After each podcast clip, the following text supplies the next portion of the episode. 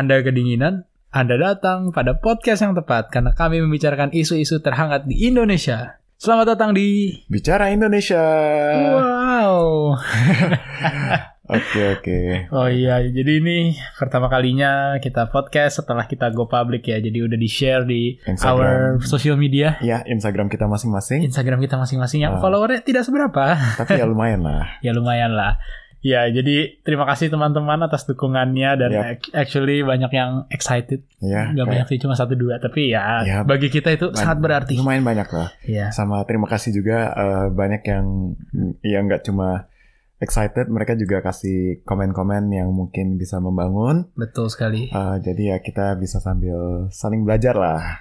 Dan feel free teman-teman kalau mau ngasih feedback atau apa pun ketika dengar podcast ini bisa langsung kasih feedback ke sosial media kita berdua bagi teman-teman kita kalau yang belum mengenal kita bisa di follow aja langsung di Instagram aja kali ya Di Instagram dong. At Cornelius Elwinata Dan Adrian SBS. Adrians BS Ya, apa Adrian, tuh Adrian SBS. Adrian SBS Jadi nama gue Adrian Bagus. Adrian. Bagus Santoso. Jadi Adrian SBS BS. Kalau dibacakan Adrian SBS. Jadi ya langsung aja kalau misalnya emang ada uh, feedback atau kritik bisa langsung message kita secara langsung karena feedback kalian sangat membantu Yap. untuk perkembangan podcast ini. karena kita semua saling belajar. Yeah, we're still starting on this, so Ya, working kalau misalnya kalian ada mungkin menurut kalian, oh kita kurang engaging atau gimana atau kurang undang guest star atau siapalah, feel free Iya. to chat atau us. kalian mau diundang ke podcast ini bisa langsung aja DM kita terus kalian bisa kasih apa ke podcast ini langsung kita undang. Ya, jadi pada podcast kali ini uh, actually kita hari ini tidak terlalu membahas satu kejadian gitu ya, tapi lebih ke isu yang general. General, general. Tentang Jadi- apa mungkin agak agak tabu dia. Agak tabu. Wah. Nah ini dia. Ini sebenarnya Ini permasalahannya. permasalahannya itu apakah ini tabu atau enggak? Karena hari ini gue sama Elwin memutuskan kalau lebih baik kita ngomongin tentang pendidikan seksual. Wah, ya, atau, Atau- sex education. Tepat sekali. Ya, jadi gimana ya? Karena kita eh, di negara Asia ya, kayaknya Hmm. nggak cuma di Indonesia di negara Asia, pendidikan seks itu tabu dia untuk diomongin gitu. Hmm. Bahkan orang tua ngajarin anaknya aja tuh tabu gitu. Tepat sekali. Ya, jadi kemarin gue sempat baca juga di China gitu, ya tabu untuk diomongin karena pendidikan seksual biasa nggak nyampe tuh karena orang tua nggak ngomong ke anaknya atau kayak kalau anaknya udah mulai cari tahu orang tuanya berusaha menghindar Hmm. gitu. Nah, kenapa menurut gua hal ini tuh patut untuk dibicarakan? Karena ya sekali lagi pendidikan seks di Indonesia itu masih sangat terbelakang ya, Sangat sangat sangat. terbelakang dan ya jadinya bisa lihat aja deh di negara yang masih masih berkembang itu pasti pendidikan seksnya tuh kurang dan di negara yang berkembang juga biasanya tuh penyakit menular seksual tuh STD. STD itu sangat banyak gitu. Bahkan kayak 10 negara teratas yang populasinya paling banyak kena HIV itu 10 negara Afrika. True. Which ya kita tahu sendiri di Afrika beberapa negaranya kan belum terlalu maju Iya. dan juga pendidikan seks ya belum ditekankan segitunya gitu. Oke, jadi gimana? Pertama-tama kita membahas apa tadi? Uh, sebenarnya lebih ke arah uh, sebuah pertanyaan. Kan lu dulu sekolah all boys kan, Win? Ya, Dulu dari SMP kan lu kan? gue dari SMP. Dari SMP. Itu kan masa-masa ya kasarnya lu masa-masa puber gak sih? Ya, Itu gimana sih cara sekolah-sekolah kayak lu tackle those kind of issues? karena sekolah gue mungkin karena sekolah gue cowok semua ya. Hmm. Ya jadi gue SMP SMA tuh sekolah cowok semua di Jakarta. Dan mungkin karena sekolah cowok semua jadi lebih gampang educate-nya. Hmm. Karena kan kalau misalnya guru ngomong di depan kelas gitu, even nggak harus ada acara sex education kayak guru ngomong di depan kelas atau pelajaran biologi, Hmm. kan semua sama gender gitu loh. Jadi mungkin Iya, lebih iya. leluasa ngomonginnya. Yang jadi masalah itu ya, pendidikan seksual di sekolah gue dulu tuh nggak seberapa ditekankan dalam arti nggak ada bener-bener acara yang pendidikan seksual. Mungkin ada tapi sepanjang SMP gitu cuma sekali. Oh iya, iya. Bahkan seingat gue SMA tuh nggak ada sama sekali deh. Terus SD juga pernah sekali. Cuma dulu waktu SD mungkin kita malah nggak mikir gitu loh. Karena kayak kita dengerin itu malah kayak jijik gitu loh. Nggak tahu Hmm, sih. Iya, kan. iya. Kenapa ya gue juga bingung anak kecil tuh jijik sama kalau mulai membahas uh, alat reproduksi dan stuff kayak gitu tuh anak kecil tuh jijik gitu. True. Nah, tapi ya kita belajar lebih lanjut lagi di pelajaran biologi. Tapi itu kan lebih ke fungsi alat reproduksi apa segala macem kan. Gak ada yang kayak maksudnya safe sex kayak gitu-gitu Iya, nggak iya. dibahas di biologi gitu loh. Atau dibahas tapi cuma briefly gitu kayak bener-bener minim. Nah, lu sendiri gimana dulu? Dulu sebenarnya nah itu dia kayak sekarang lo ngomong gitu what I experienced back then was also quite similar. Gua gua kan dulu sekolahnya co-ed kan, jadi campur cewek cowok Hmm, dari gua SD sampai gua SMA. hmm, Nah, gua pertama kali gua dapat pelajaran sex education itu pas gua kelas kelas 1 SMP. Nah, itu sama seperti lo jadi kayak ini ya dipisah cewek ngomong satu hal, cowok ngomong hal Hmm. yang lain gitu.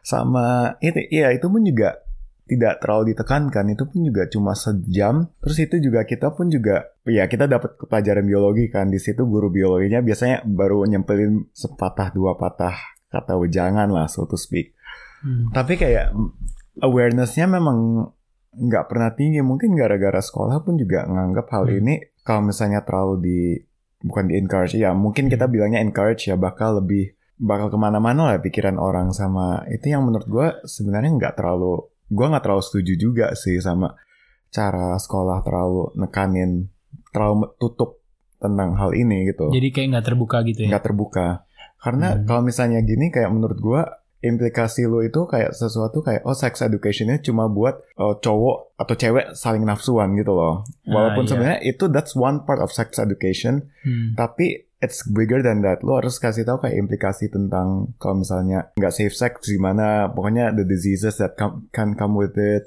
Hal-hal gini yang menurut gua gara-gara stigma negatif kayak oh sex education itu kan cuma boleh ngajarin atau legitimize cowok sama cewek gituan gitu loh. Hmm. hal-hal after effect-nya kurang terlalu dijelaskan gitu loh. Atau yang harusnya lebih diperhatikan lah. Hmm. Jadi lebih mungkin menekankan jangannya dibandingkan why jangannya gitu ya. Se- sebenarnya lebih ke arah kayak iya itu juga tapi kayak lebih ke arah seharusnya ada kayak more open and transparent dialogue gitu loh Hmm, Oke. Kalau misalnya emang problemnya di more transparent dialogue gitu. Tapi kita tahu di negara-negara yang terbuka banget Hmm. sex educationnya atau kayak bahkan sesama orang tua enak banget ngomonginnya. Hmm. Itu kayak misalnya di Amerika Serikat atau di UK kita ngomong atau di negara-negara Eropa kan Hmm. biasa anak ngomong atau nanya gitu kan kayak ya udah santai aja nanya ke orang tuanya gitu kan dan orang tuanya juga ngajarin gitu kan ya. ya ya Nah, dengan pola yang terbuka gitu, kan lu tahu sendiri di Amerika gitu kayak ya udah lu lu gue jujur aja nih ya kayak kita di Indo misalnya nih kayak kan pasti kita di expectnya have sex setelah married gitu kan Hmm. dan kayak lu belum have sex sebelum married ya udah lu nggak dikatain cupu atau apa kan tapi kalau di US lu tahu sendiri kayak lu ya udah college budayanya iya. lebih lu udah college atau udah kuliah tapi lu belum have sex lu bisa kayak dibully parah gitu lebih ke arah prioritasnya lebih beda lah dibandingin sama kita di negara-negara Asia seperti Indonesia contohnya. Nah, poin gue tuh gini loh. Jadi sebenarnya bagus dong eh, tertutup. Gua nggak gua nggak mendukung poin itu ya. Cuma gue Iya. mempertanyakan aja nih. Bagus dong kita buat kultur tertutup karena orang-orangnya jadi lebih dalam tanda kutip bermoral. Walaupun mungkin motivasinya salah, Hmm. tapi bermoral gitu loh. Orang kayak nggak dibully dan segala macam dibanding kultur terbuka. Tapi ya udah orang have sex have sex saja. Walaupun ya safe sex sih. Maksudnya kayak penyakit menularnya mungkin nggak seberapa menyebar karena tahu eh, bagaimana cara menanggulanginya. Cuma secara moral ya udah orang have sex sana have sex sini gitu loh. One night stand apa segala macam gitu. True, true. Ya mungkin bisa sih, tapi menurut gua kayak budaya Indonesia sama budaya Barat. Barat juga juga nggak terlalu bisa disamain juga gitu loh. Nah, jadi ini udah masalah budaya gitu ya. Mungkin menurut gua budaya bukan masalah terbesar, tapi budaya does play an important factor gitu loh. Nah, Kayak menurut gua kalau kalau misalnya lu dari awal lu memperkenalkan hal-hal ini dari awal dari kecil, itu lu bakal ada awareness lebih tinggi daripada kayak lu uh, kasarnya kayak wait and see gitu loh. are you saying that kalau misalnya kita Indonesia nih tetap punya budaya ketimuran kayak keagamaan kita kental dan have sex itu tabu atau segala macam yang kayak gitu. Tapi kultur kita untuk membicarakan hal itu terbuka, apakah menurut lo itu akan menjadi perfect combination? Jadi kayak dalam satu sisi bermoral, dalam satu sisi yang lain juga bermoralnya tuh tahu kenapa karena emang dibicarakan gitu. Iya, sebenarnya menurut gua itu sih yang harusnya di ditekankan mungkin karena kita itu terlalu itu yang tadi lu bilang kayak Hmm. budaya ketimuran sopan santun hal-hal Hmm. itu kita itu kita lebih ke arah menekankan untuk apa oh kita harus sopan santun dengan apa yang kita coba sampaikan bukan cara kita menyampaikannya Hmm. menurut gua nah itu cara kita tackle sex education atau hal-hal ini kayak kadang-kadang terlalu enggak it's a bit unsure gitu loh Hmm. Menurut gua kalau misalnya coba penekanan atau cara penyampaiannya lebih positif, stigma-stigma negatif kayak contoh kayak HIV, kayak Hmm. bahkan kita juga orang-orang kira HIV itu oh cuma gara-gara mereka nggak safe sex terus kayak ada ya pokoknya ada komplikasi gitu-gitu. Hmm. Sementara kayak kita semua kan padahal HIV sebenarnya kan juga bisa tertular dari ludah. Hmm. Ludah kan sih siapa tahu kayak orang itu ngeludah terus gak sengaja masuk Eh, atau nanti HIV nular ludah deh,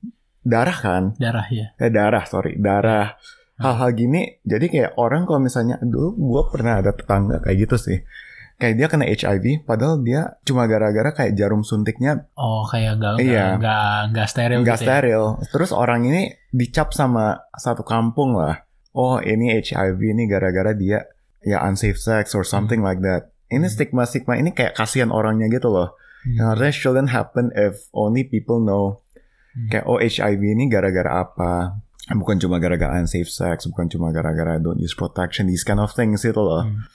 Nah, gue ada satu pertanyaan lagi deh. Hmm. Jadi menurut lo masalah seksual gini tuh, tuh lebih ke arah biologis atau lebih ke arah moral? cara biologis karena your mind will follow what what you actually see contoh kalau misalnya ngelihat hal-hal negatif yang bisa Bikin lu sakit. bikin lu sakit atau apa pun itulah Ah. Otak lu bakal justify hal itu nggak sih bakal ngikutin Nah. bukti itu nggak sih Tapi gini loh, masalahnya kalau misalnya kayak gitu, berarti oh asal ya ini podcast 18 plus lah ya. Asal lu pakai ya udah pakai kondom atau kayak Ya. gitu, ya udah aman dong. Kayak ya udah nggak bakal kena penyakit biologis. Tapi kan secara moral lu tahu sendiri secara True, moral iya, berarti kan iya. nggak bagus gitu. Iya betul memang ini ini agak susah harus ada dis- disclaimer sih podcast ini sih jadi kayak Iya. eh, opini yang kita sampaikan ya jangan sampai pokoknya ya itu kita nggak mendukung ataupun menolak Ah. keputusan di tangan kalian tapi please use protection apa pun itu Iya. um, Iya. um, Even kerja ya, use protection. use protection Pakai asuransi BPJS, mantap. mantap Ya, kesel gue lanjutkan lagi. lu harus juga tekanin moralnya juga tapi the scientific evidence harus Hmm. lebih ada daripada moral bukan maksud gua moral beneran Hmm. dikesampingkan 100% enggak Yeah. kayak contoh ya you did say uh, ya use protection tapi ya Hmm. protection only works berapa persen of the time Yang penting dampak yang biologisnya ini tuh nggak nyebar. Hmm. Masalah moral kayak udah itu masa lalu sama Tuhan gitu. Iya, mo Atau iya. masa lalu dengan agama lu. karena moral juga ya agama moral Ah. kan dari awal dari agama dan keluarga kan Mungkin ada norma adat istiadat juga kan. Iya ada istiadat tapi yang kita Hmm. bisa kasih yang bisa dikasih oleh mungkin in this case sekolah kan Ya. itu cuma dari biologis karena moral kalau menurut gua sekolah bisa dan sekolah pasti bakal ngajarin apa moral yang baik dan buruk Hmm. tapi at the end of the day itu yang nentuin itu Yang bikin Dari- pilihan kita sendiri. eh, gitu. kita sendiri terus kita diinfluence dari kecil kan dari sama agama dan sama keluarga, kan keluarga. Ha, itu keputusan utama dari ya tiga Iya. itulah ha, sekolah menurut gua sekolah itu lu cuma ngasih kayak ya these biological things lah yang dikemas sampai kayak it's not really that taboo maksudnya kayak nggak sehina itulah Hmm. kayak seakan-akan menurut gua kayak sekolah kayak nganggep sex education itu nggak penting sama sekali Hmm. ya bayangin kita itu gua dari SD dari SMP sampai SMA gue cuma sekali doang pelajarannya Hmm. lu juga kan Iya. Kayak sekolah bisa try to change that outlook. Terus pendidikan tentang moral bener atau enggak apa pun itu ya dari keluarga dari awalnya. Hmm. karena sekolah you can only do so much gitu loh. Jadi mungkin kayak sekolah itu berperan dalam sisi biologisnya, keluarga berperan lebih ke sisi moralnya. Betul. Walaupun mungkin eh, sekolah juga ada moralnya mungkin di PPKN Iya, atau di iya. sosiologi. iya betul Dan eh, misalnya keluarga juga bisa memberi, maksudnya ya orang tua kan bisa juga ngajarin biologi Hmm. sedikit-sedikit. Cuma mungkin arahnya tuh keluarga lebih ngurusin moral, sekolah lebih ngurusin biologis gitu ya. true true Nah. itu itu menurut gua sih Gue juga ada pertanyaan nih, sejauh mana negara tuh harus intervensi ini gitu? nah dalam arti kita lihat aja sekarang kemarin baru dikeluarin RKUHP Oh ya. masalah berbuat seks atau kayak kumpul kebo things like that gitu. Hmm. Nah sejauh mana sih masalah ini tuh harus diurus sama negara menurut lo? Oke, menurut gua Hmm. eh, dengar podcast kita sebelumnya ya. Anyway, Em, menurut gua, nah ini kan sex education bukan cuma kumpul kebo kan. To a certain extent mungkin aborsi. Eh, mungkin tamu. Oke, mungkin aborsi gua nggak terlalu ngomong gara-gara itu sesuatu yang mungkin agak kontroversial. Beda pendapat lah. Kayak menurut gua pemerintah at least harus memberikan apa ya support lah Hah. untuk let's say penderita HIV untuk kasih you know tampons Mhm. Ya free tampons. Gue Yeah. tau kayak beberapa pemerintah di Eropa udah mulai ngelakuin hal gitu, free Yeah. tampons, these kind of things itu. Menurut ya kumpul kebo ya, menurut gue ya pendapat pribadi gue sendiri, Hmm. negara itu punya dan kepolisian mempunyai 1001 masalah. Ngapain sih ditambah-tambah hal kayak gini lagi gitu loh? Hmm, I see. Karena gini loh, Kecuali emang di pemaksaan ya. Jadi Pemaksaan. kayak, emang itu kan jatuhnya mungkin ke pemerkosaan atau pelecehan Iya, seksual betul gitu betul. kan. Kalau misalnya nih, uh, don't get me wrong, kalau misalnya hal-hal seperti illegal sex trading gitu-gitu, gue support pemerintah untuk memberantas habis. Hmm, yes. Tapi, nah gini loh, maksudnya pemerintah itu terlalu terpaku untuk uh, preventif. Hmm. Jadi kayak, oh kumpul kebo, pokoknya seks bebas, penjara. Hmm. Sementara kayak, let's be honest, people will still do it. Hmm. hmm, yeah. People will still get HIV. Hmm. penanganan awareness terhadap HIV hal-hal gini yang menurut gua pemerintah harusnya bantu kasarnya kayak HIV checks subsidi Oh, gua ngerti maksud lu. subsidi untuk Hmm. uh, penyandang cacat gara-gara STD hal-hal gini Ah. yang seharusnya pemerintah lebih support menurutku ya daripada ketimbang pemberantasan seks bebas habis kayak let's be honest people will still do it gak Iya. sih Jadi kayak instead of mikirin law-nya lebih mikirin kayak eh, masalah moralnya, Iya. masalah biologisnya gitu Iya, ya, atau daripada nggak mikirin law-nya. atau nggak mental support untuk korban-korban pelecehan seksual dan Hmm. aborsi itu hal-hal seperti inilah Nah, menurut Oke. lo gimana menurut gua emang negara nggak seharusnya sih kayak intervensi ke arah situ menurut Hmm. gua. Jadi emang peran negara tuh harusnya ke lebih memberikan penyuluhan Hmm, atau kayak eh, apa ya penerangan bukan penerangan apa ya membimbing pemahaman ya pemahaman betul. pengajaran mengenai unsur moralnya dan biologisnya gitu loh karena pada akhirnya pilihannya jatuh di tangan manusia itu Hmm. sendiri gitu loh tapi ya tentu gue sangat mendukung kalau misalnya emang orang tua atau kayak orang-orang terdekat dari orang yang melakukan tindak-tindakan seperti itu nggak nyaman ngelihatnya atau apa Ya. mungkin bisa dipidanakan gitu loh memang menurut gue itu sih kayak masalah dari dulu untuk mungkin bukan hal ini doang.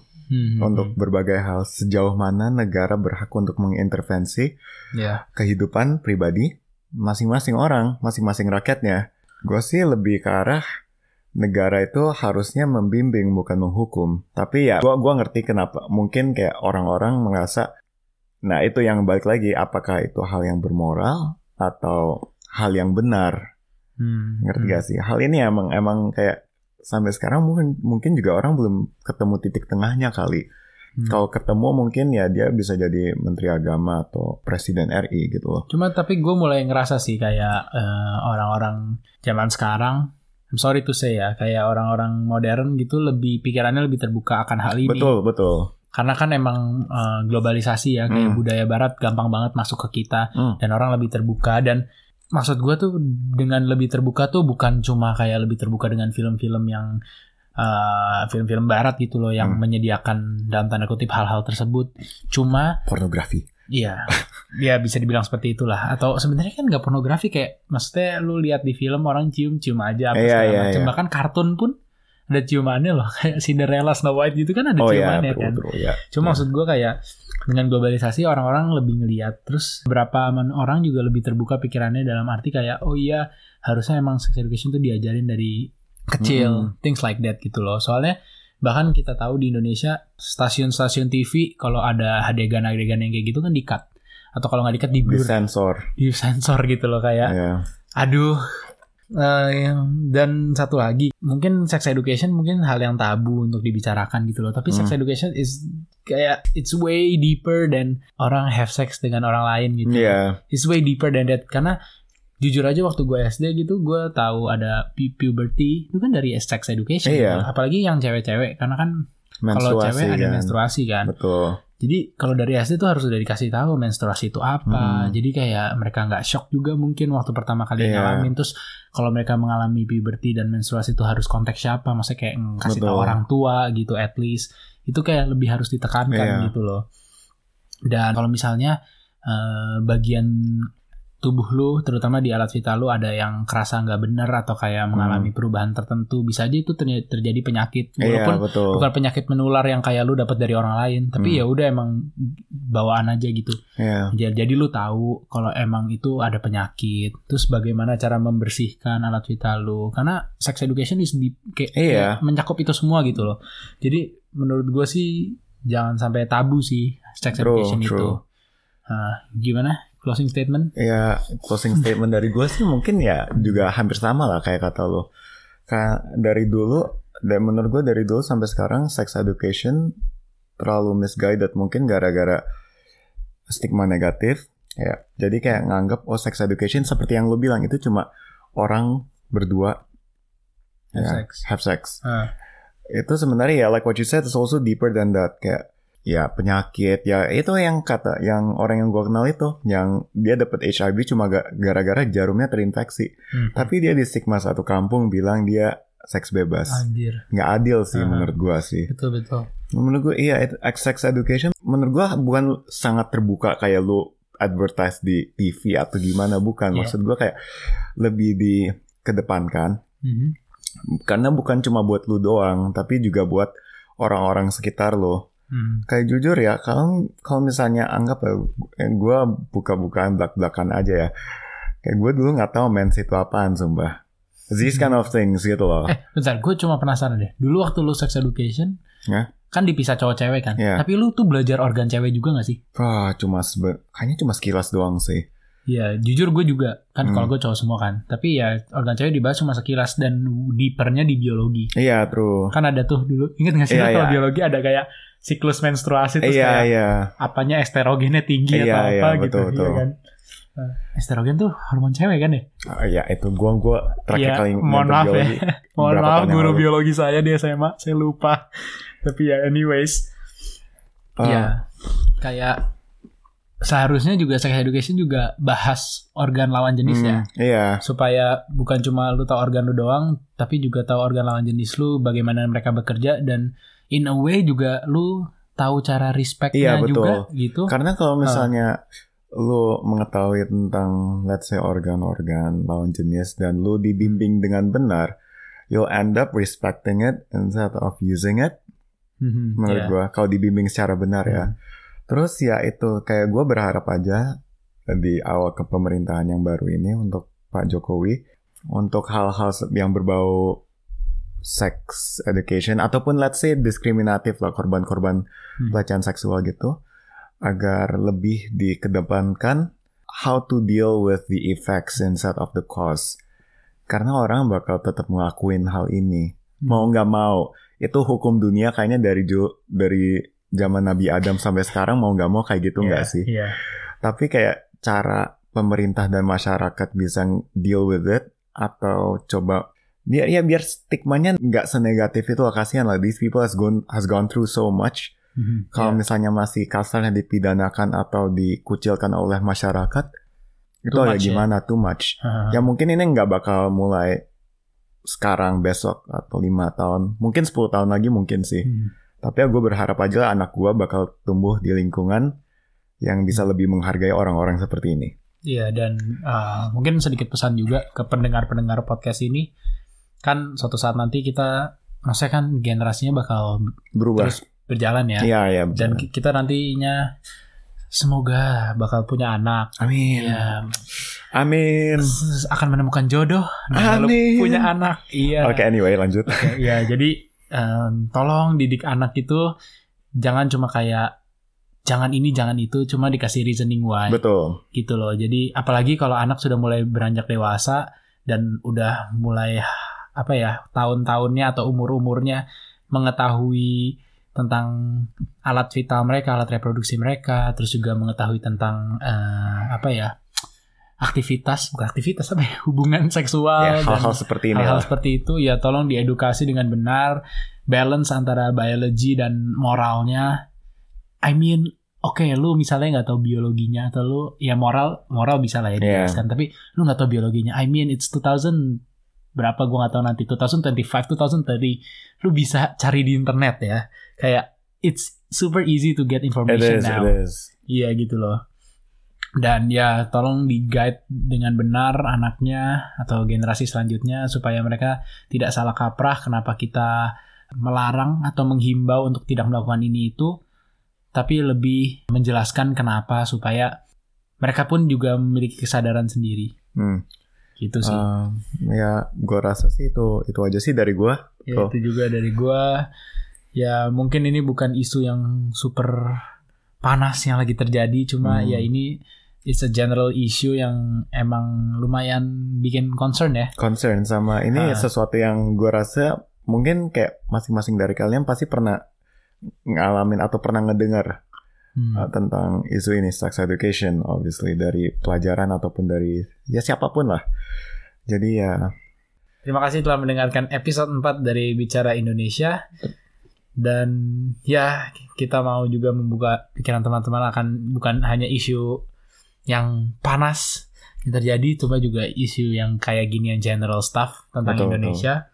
Ya intinya, terima kasih telah mendengarkan. Sampai ketemu di podcast, Podcast berikutnya. Oke, Bye-bye. selamat tinggal.